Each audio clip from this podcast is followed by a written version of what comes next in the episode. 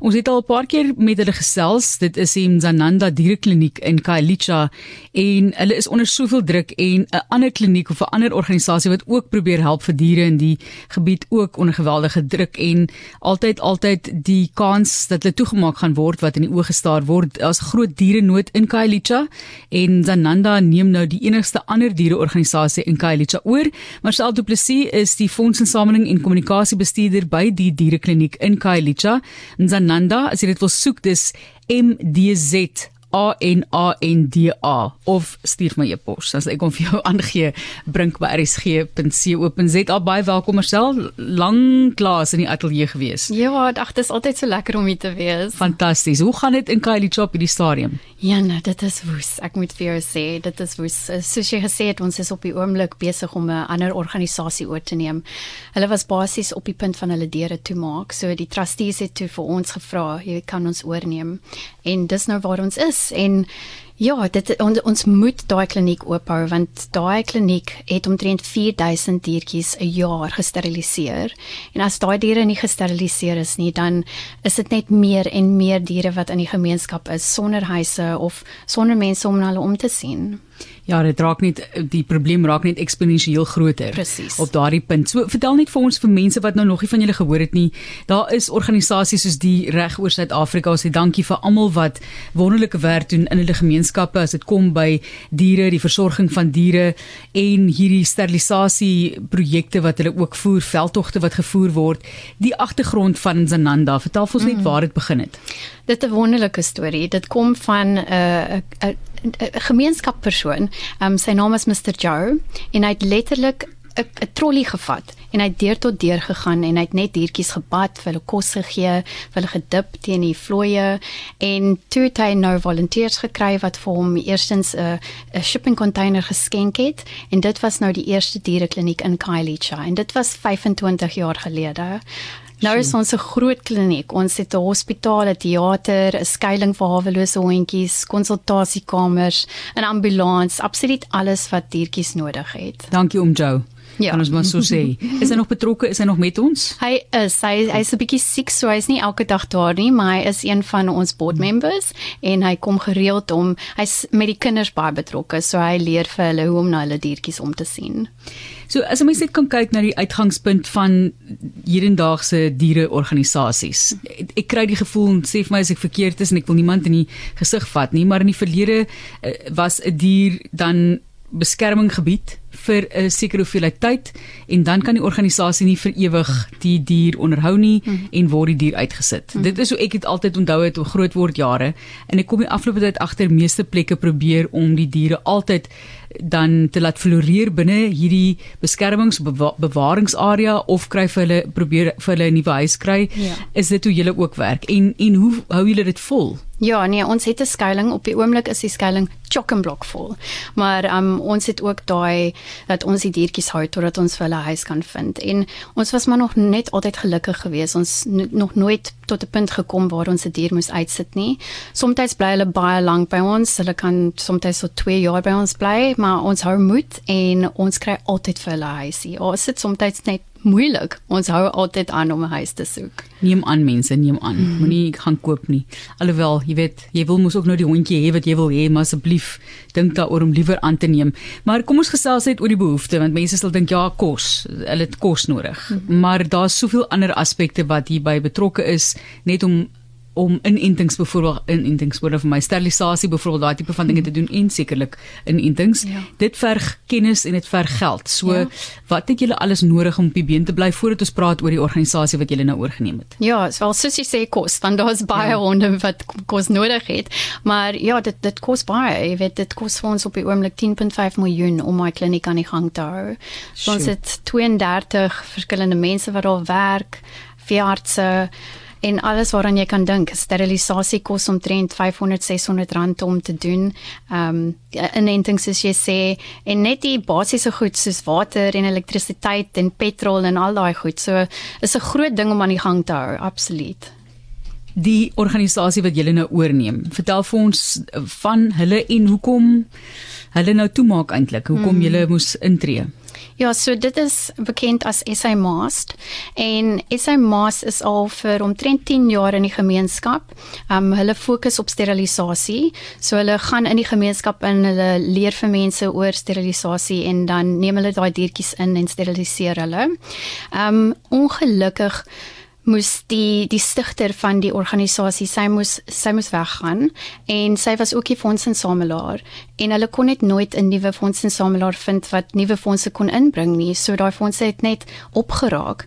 So dis nou op 'n punt waar hulle letterlik nie meer 'n sent in die bankrekening het nie en hulle moes toe vir ons vra kan ons asseblief oorneem so gou as moontlik so in terme van die grootte en van die dienste wat julle lewer, hoe het hulle vergelyk en hoe gaan julle die twee bymekaar bring? Want julle het nou twee aparte persele sekerlik mm -hmm. om te versorg. Absoluut. So dit is 'n aparte perseel. Dit is 'n hele kliniek op sy eie. So wat ons gaan doen is ons gaan dit soos onder ons vlekkies inneem en dit gaan die wat ons nou Mzananda Satellite Sterilization Clinic. Dis nou wat ons dit gaan maak. So Ons is al klaar chock and block met sterilisasies by ons kliniek en dit gaan ons nou net toelaat om meer sterilisasies te doen in hierdie ander kliniek. Ehm um, al die mense wat daar werk bly daar, ehm um, ons gebruik hulle hele setup net soos dit is. Dit gaan nou net onder ons inval.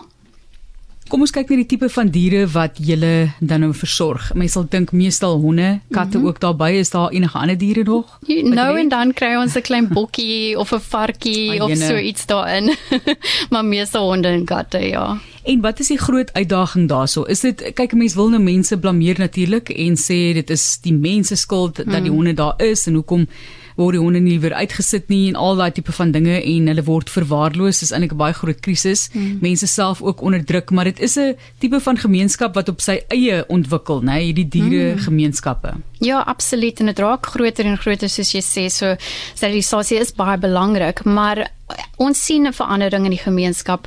Jy weet, 'n hele paar ge jaar gelede was diere net iets wat daar in die straat gewoon het of na jou huis gekyk het. Nou is hulle maatjies. Hulle woon in die huis, hulle slaap selfs op mense se beddens soms. Dit is nou nie met almal nie, maar baie mense word meer opgevoed so hulle verstaan meer wat hulle diere nodig het. Ons het nog 'n lang pad om te gaan, is 'n baie groot gemeenskap, maar dinge is definitief besig om te verander.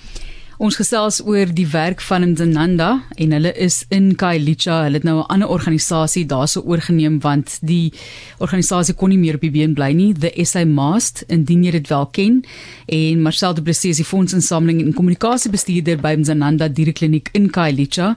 En jy's baie welkom om te deel wat in jou deel van die land ook aan die gang is as mens fokus op troeteldiere wat dan 'n skuilings benodig, hoe dit ook al sê of wat gesteriliseer moet word. Daar's groot veldtogte reg hierdie jaar in Suid-Afrika vir hierdie sterilisasies.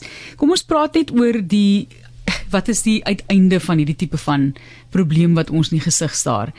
Is, dit gaan 'n geveg wees wat sekerlik maar vir ewig daar gaan wees. Ek dink nie mense gaan ooit heeltemal daarvan ontslaa raak nie, maar hoe hoe voorsien julle die toekoms vir die werk wat julle doen?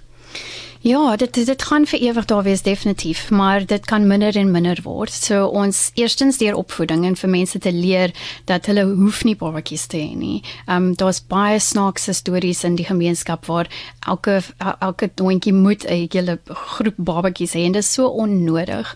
Ehm um, en ons leer ook vir hulle net wat hulle nodig het. Maar dan ook die sterilisasie natuurlik is baie belangrik en hoe meer veldtogte ons kan begin, ehm um, hoe meer gaan ons bereik. Dit is hier op RSG waar ons fokus op diere op 'n maandag so 20 oor 2 en ons kyk na die werk wat hulle doen in Kailicha. Is julle die enigste julle en die SA Maas is die enigste organisasies in Kailicha? Is daar ja. nog en hoe groot is Kailicha? Dit is nogal groot, nou vir mense wat nou in ander dele van die land nie weet nie, hoe ja, groot is dit? Dis enorm. Ons dink daar's omtrent 'n miljoen mense, so omtrent so 300 000 honde en katte wat daar is. 300 000. Ja, dis wat ons dink.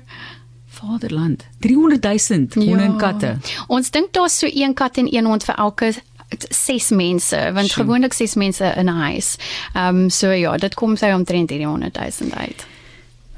Ja, en mense kom na julle toe elke keer vir hulp. Is is die dienste wat julle lewer gratis? Hoe werk dit? Ja, ons vra vir mense vir 'n donasie. Ehm um, en ons vra ook gewoonlik vir ons omtrent R150 vir iets wat vir ons tot R6000 kan kos. Nie almal kan daai R150 bekostig nie. So ons gaan nooit 'n diertjie wegstuur nie. Ehm um, maar ons vra altyd vir donasie as mense kan help. Goed, nou praat van hulp. Ons weet nou julle het kos nodig, duidelik het julle geld nodig, het julle vrywilligers nodig mm -hmm. en is dit maklik vir vrywilligers om te gaan en te gaan help? Ja, absoluut. Ons het altyd mense nodig. Um mense is 'n bietjie bang om in Kailicha in te kom, maar die realiteit is is eintlik 'n lekker ding om te doen. Um foto's kan nie eintlik wys hoe die plek lyk nie. 'n Mens moet kom en dit beleef, jy weet. So mense kan inkom veral met ons hawelose hondjies net vir hulle liefde gee. Hulle raak 'n bietjie jy weet hulle raak moedeloos. Hulle het nie huis nie. So kom gee vir hulle liefde, help om hulle te pad en um dan kan 'n mens ook maar net help om die hokkies skoon te maak en vir hulle bietjie loop en ja, daar's soveel dinge wat 'n mens kan doen, so definitief, asseblief. En veeartsenydienste wat voel hulle het nog 'n ekstra paar uur die arme mense reeds in 'n week om te kom help. Definitief, daar's altyd plek vir nog. ja, baie sterkte. Julle het 'n webblad waar mense kan gaan kyk. Mhm. Mm Absoluut, dis www.mzananda.co.za en dit is M D Z A N A N D A.